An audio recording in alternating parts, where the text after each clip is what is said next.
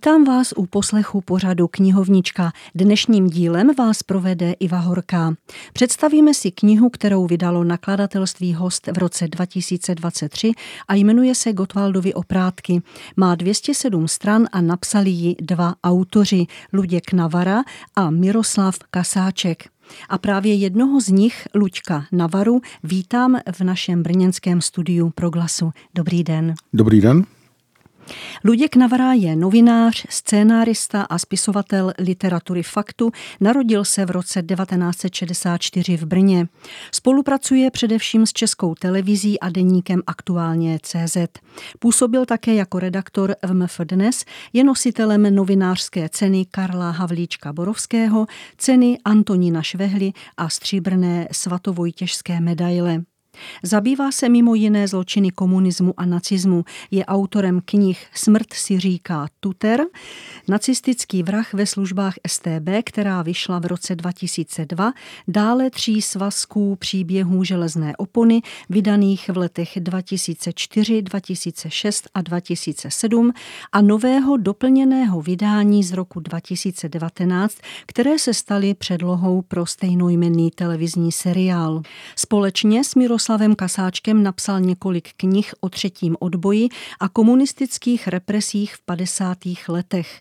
Mlináři od Babic, příběhy třetího odboje, volavčí sítě, na útěku, neuvěřitelný příběh Josefa Brixe a přece budu blízko, život a mučednická smrt kněží Jana Buly a Václava Drboli od Babic a musím jít odvážně vpřed – tragický osud bojovníka Petra Křivky a jeho nejnovější kniha Gotwaldovy oprátky vychází v nakladatelství Host nyní a napsal ji také spolu s Miroslavem Kasáčkem.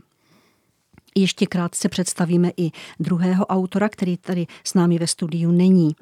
Miroslav Kasáček je zakladatelem občanského združení Paměť, které prostřednictvím konferencí, výstav a různých publikací mapuje a zveřejňuje příběhy komunistického bezpráví. V roce 1970 byl pro své postoje propuštěn ze zaměstnání a musel pracovat v dělnických profesích ve společnosti Brněnské veletrhy a výstavy kde byl po revoluci jmenován ředitelem závodu výroby a montáže. Rodiče jeho manželky Marie Melkusové byli perzekvováni komunistickým režimem v souvislosti s tragickými událostmi v Babicích na Třebíčsku. Než nám sám autor knihu představí podrobněji a poví, jak a proč vznikala a co je na ní zajímavé, stručně zhrnu pár informací, abyste o ní na úvod měli ucelený obraz. Gotwaldovi oprátky, poslední adresa Cejl. Popisuje příběhy popravených z období rudého teroru. V brněnské věznici na Cejlu se v době po únorovém převratu v roce 1948 popravovalo vlastně krátkou dobu, ani ne pět let. Příběhy těch, kteří tam skončili s oprátkou na krku, jsou mimořádně dramatické. Posledním z popravených byl odvážný Leopold Doležal, který se zapojil nejdříve do protinacistického a později i do protikomunistického odboje. Kniha představuje jeho neobyčejný příběh, stejně jako příběhy devíti dalších statečných lidí, kteří zbytečně ztratili své životy. Patří mezi ně například nezlomný bojovník Petr Křivka, ale také bývalí partizáni Jaromír Vrba a bratři Daňkové. Na zdejším vězeňském dvoře vyhasl i život významného valašského podnikatele Jana Křižana. Na popravišti umírali ti, kteří se pokoušeli čelit totalitě, násilí nebo jen chtěli žít ve svobodném světě. Už proto bychom měli jejich příběhy znát.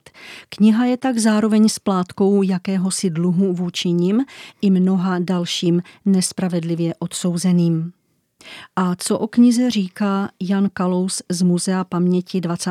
století? Tato kniha vzbuzuje naději, že hrdinové neupadnou v zapomnění a ti, kteří spáchali těžké zločiny, neuniknou alespoň morálnímu odsouzení. A to opravdu není málo.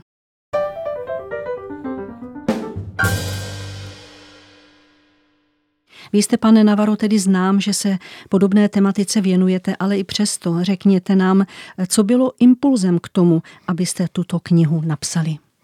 Tak my jsme si především vlastně uvědomili, že eh, ty příběhy popravených eh, politických vězňů z Cejlu vlastně pořádně neznáme. My jsme některým těm příběhům se věnovali celá nebo z části už eh, v těch dřívějších knížkách, mapovali jsme třeba život Petra Křivky, ale řekli jsme si, že by bylo zajímavé vlastně, kdybychom mohli představit všechny ty popravené, všechny ty politické vězni, kteří tam museli zemřít, protože ten režim nás připravil o strašně moc a abychom si tu hloubku té ztráty mohli vlastně uvědomovat, tak eh, eh, musíme vědět, co nebo koho všechno eh, jsme ztratili. A dokud vlastně ty životy nebudeme znát, tak vlastně ani nebudeme znát tu, tu ztrátu. A to si myslím, že je ten hlavní důvod toho, proč jsme se tím zabývali. Když chcete cítit lítost za něčím, za někým, tak musíte vědět, čeho máte vlastně lítovat. Tak to si myslím, že je ten důvod. Mm-hmm. Jak dlouho jste na knize pracovali? Ta, ta otázka je trošku složitější, protože ta knižka byla eh, poměrně hodně složitá, protože tam více osudů, které jsme museli nějakým způsobem eh, zmapovat a, a popsat vlastně každý zvlášť. Ty příběhy jsou opravdu různorodé, takže to byla řada let, ale, ale ne, nebyla to úplně systematická práce, protože mezi tím byl covid a, a nebylo všechno dostupné tak, jak jsme si představovali a podobně. Je něco zvláštního, co byste třeba posluchačům eh, vyzdvihl, aby si tu knihu koupili a přečetli? Určitě eh, tam je hodně zajímavá jedna, jedna věc, jedno zjištění, které vlastně se ukázalo až během práce na té knize, že skoro všichni ti popravení, kteří se zapojili více či méně do toho třetího protikomunistického odboje, tak současně byli účastníky i toho druhého odboje, toho protinacistického. Čili oni v sobě museli mít něco, co je, eh, co je ponoukalo té totalitě se stavět, ať už s větším či menším nasazením eh, z těch deseti příběhů, respektive osudů, které tam máme, tak eh, osm jich bylo už v tom protinacistickém odporu nějakým způsobem zaangažováno. Ty dva zbývající případy, tak ty jsou takové, že ten jeden byl příliš mladý, takže ten to nestihl a ten druhý, tam je to s otazníkem, protože on byl za války sice skutečně zatčen, skončil ve vězení, ale ty důvody nejsou úplně dodnes zcela jasné. Čili to, že ti lidé se stavěli té totalitě, tak eh, prostě zřejmě nebylo náhodou, ale bylo to výsledkem i nějakého jejich asi vnitřního založení nebo nějaké jejich odhodlání a dispozic lidských, eh, že k tomu našli sílu nebo odhodlání, eh, chuť, vůli, ať už se na to díváme jakkoliv. Můžete nám říct, koho konkrétně se to týká? Jména, jmenovitě a třeba kdybyste i mohl říct, jestli ty osudy jsou tak podobné nebo některý se třeba vymyká úplně z toho? Tak eh, ty osudy jsou spojené eh, často tím, že tito lidé se blížili nebo skutečně se pustili do ozbrojeného odboje. Eh, někteří z nich byli dokonce přímo bývalí partizáni ještě z války, to byl třeba například eh, Jaromír Vrba nebo bratři Daňkové, eh, kteří stejně jak odvážně bojovali za války proti nacismu, tak se po tom únoru pustili do, do odboje proti nové komunistické totalitě.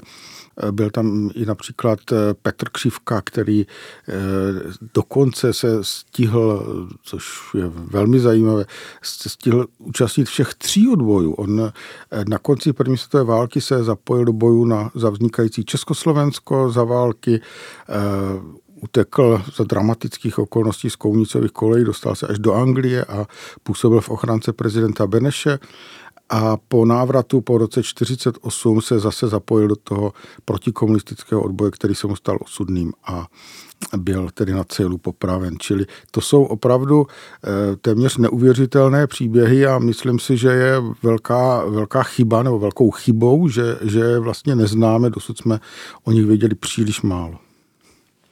Eh, v úvodním slovu, eh, když jsem se do té knihy dívala, tak vlastně Jan Kalous to uvádí, že je důležité, aby se historické události uváděly v patřičném dobovém a místním kontextu a formou, která právě i generaci, která měla to štěstí, že socialistickou každodennost nezažila, eh, srozumitelným způsobem představí ten režim v jeho ideologičnosti, surovosti a nezákonnosti takže e, jsem se dívala, že tam máte i hodně materiálu z archivů, i hodně rozhovorů se svědky a pamětníky. Jak těžké je ještě najít pamětníky v této době? Tak dnes už, dnes už je to téměř nemožné, je to, hmm. je to velmi, velmi obtížné, ale občas eh, se najde třeba nějaký zápis nebo nějaká vzpomínka třeba zprostředkovaná.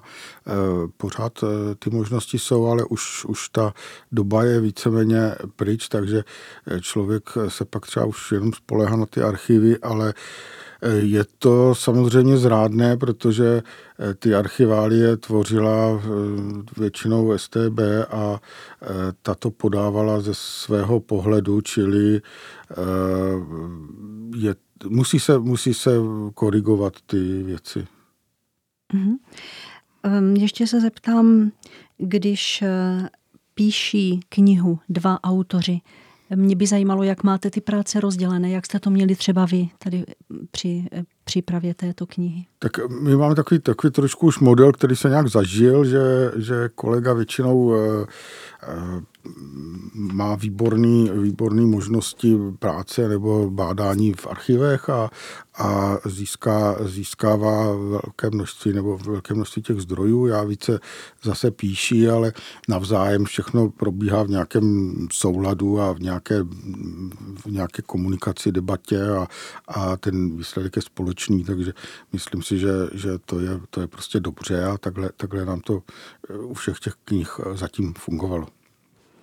Pro koho je kniha určena, si myslíte třeba vy podle vašeho názoru? Koho by mohla oslovit?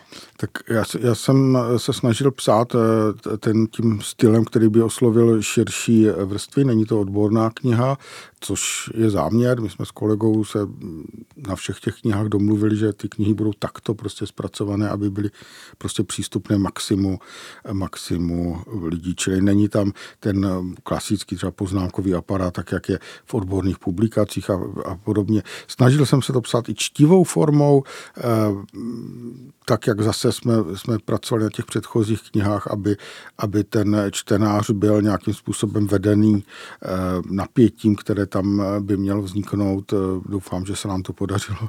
Tak aby, aby tu knihu, knihu dočetl do konce a, a měl, z ní, měl z ní nějaký zážitek, pokud se dá o tom mluvit v souvislosti s tímto tématem. Vy už jste těch knih eh, na tohle téma, jak už jsem říkala, eh, napsal eh, poměrně hodně, ale i přesto třeba zrovna, když jste zpracovávali osudy tady těch lidí v této knize, bylo něco, co vás ještě třeba tak nějak hodně překvapilo nebo oslovilo?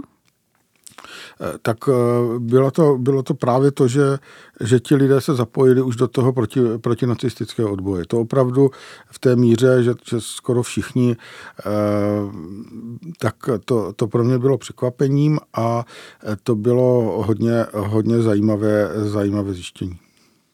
Ještě na závěr se vás zeptám, pane Navaro, pracujete nyní na něčem dalším, o čem byste nám už mohl říci?